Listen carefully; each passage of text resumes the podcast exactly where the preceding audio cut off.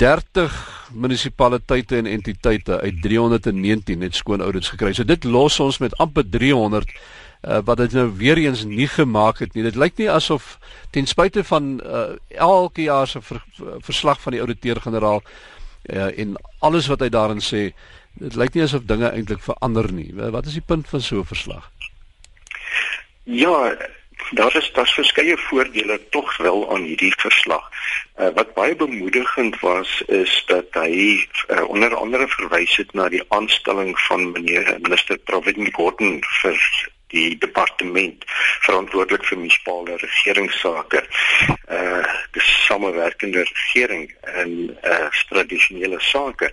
En ek glo ek uh, gedagte van die geleide wat die minister ook gemaak het dat uh minister Gordon hierdie kommentare ter harte sal neem en sal gebruik in die strategie wat hy van plan is om by munisipaliteite te implementeer. So ek dink nie dit gaan heeltemal in die in die toekoms meer so verlore gaan nie, maar dit is tog 'n swak refleksie op die uh, resultate tot dusver.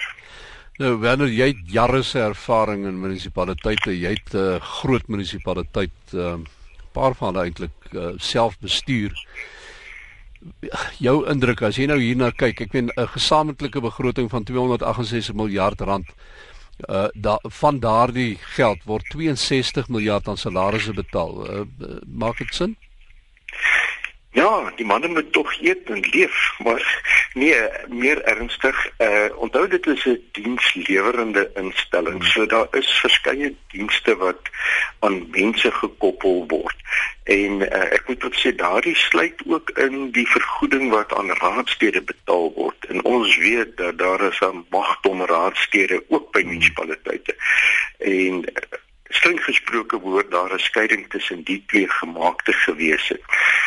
Die ander kant ja, daar is uh is wat my eintlik meer bekommer is die laer vlakke van produktiwiteit, die ja. waarde ja. vir geld wat jy kry uit daardie amptenary uit. En dit is waar die grootste probleem lê.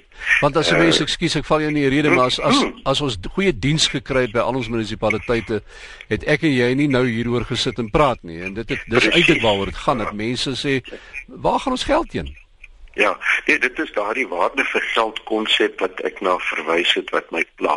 Ek sou baie graag wou gesien het dat daar groter mate van doeltreffendheid kom. Daar is 'n prestasie bestuurstelsel in werking in munisipaliteite, maar ongelukkig is dit nie weer eens uh, oral suksesvol toegepas nie. En waar dit werk, kan jy die resultate sien. Ons moet daarom onthou daar was so 63 munisipaliteite wat beter presteer het in hierdie jaar onder oorsig as in die vorige jaar. Uh ek aan die ander kant staan weer iets soos 25 wat swakker presteer het. So maar daar is 'n geleidelike verbetering wat ek bemerk. Die groot probleem is die munisipaliteite wat sleg is, bly sleg. En en daar daar's nie lig in die tonnel nie. Die ding is ook uh, nou omdat die ouens nie hulle werk kan doen nie, so baie verhale nie. Nou word daar 'n hele eskader uh, konsultante aangestel en uh, ons sien hierso daar 695 miljoen rand op hulle uitgegee ja. en uh, dit het nie eintlik gelei tot 'n verbetering nie. Ja, uh, ons wil dit kwalifiseer kom is daai konsultant is by die 700 miljoen dis reg is finansiële konsultante. Dis hmm. nie die ingenieurs en al die ander uh, uh, noodsaaklike konsultante. Ja. So met ander woorde, jy sit met jou eie personeel in diens wat nie die werk kan doen nie, dan het jy nog hier by die 700 miljoen rand wat jy aan finansiële konsultante bestee. Dit is kommerwekkend. Is daar lig in die tonnel en uh, is die lig 'n trein wat aankom? Wel as dit die goudtrein is dan dan dan gaan dit groot skade maak. Nee, Kobus, ek ek glo tog daar is 'n lig in die tonnel, maar hy's redelik dof. Ons moet hom helderder moet maak en ek glo weer eens met baie vertroue in 'n minister Gordhan en ek dink hy gaan uh, hierdie beslis gebruik en beter resultate kan te wag te wees. Nie onmiddellik nou, onthou hierdie hierdie die jaar onder oorsig was 2012, 2013. So dit gaan nog 'n rukkie vat voor ons se omdraai strategie reg kry. Maar uh, geleidelik word dit beter wees, maar die wat swak is uh, is hy van kop tot tone toe swak. Dit begin by die politici tot heel onderuit en dit is waar die probleem eintlik lê. En die probleem daarmee saam is natuurlik dat ons uh, selfs goed soos Marikana wat nou verlede jaar gebeur het word teruggevoer op die ou ende na die feit dat mense was ongelukkig met hulle omstandighede met hulle met die dienslewering wat hulle kry.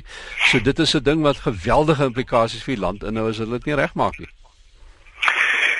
Ja, nee, dis reg. Ek ek, ek glo nie Marikana kan direk aan swak munisipale dienslewering gekoppel word nie, maar daar is talle ander gevalle van protesoptogte teen swak dienslewering. Uh die ironie van die saak is daardie selfde protesteerders het presies dieselfde raadslede teruggestem in hulle magsposisies en so hulle gaan nie 'n verbeterde regering kry waar hulle sit nie. Uh want jy kry die regering maar wat jy verdien en as jy jou kruisie op die verkeerde plek gaan trek uh, en nie die raadslede meer tot verantwoording roep nie. Maar uh, dit is 'n uh, tipe tydbom wat ons opsit want dit raak al hoe hagliker as mens syfers gaan kyk byvoorbeeld na die agterstand by instandhouding van infrastruktuur soos water baie uh, elektrisiteit uh, dan is daai tydbom baie sterk besig om te tik. Ons ons sal daaroor moet bekommerd raak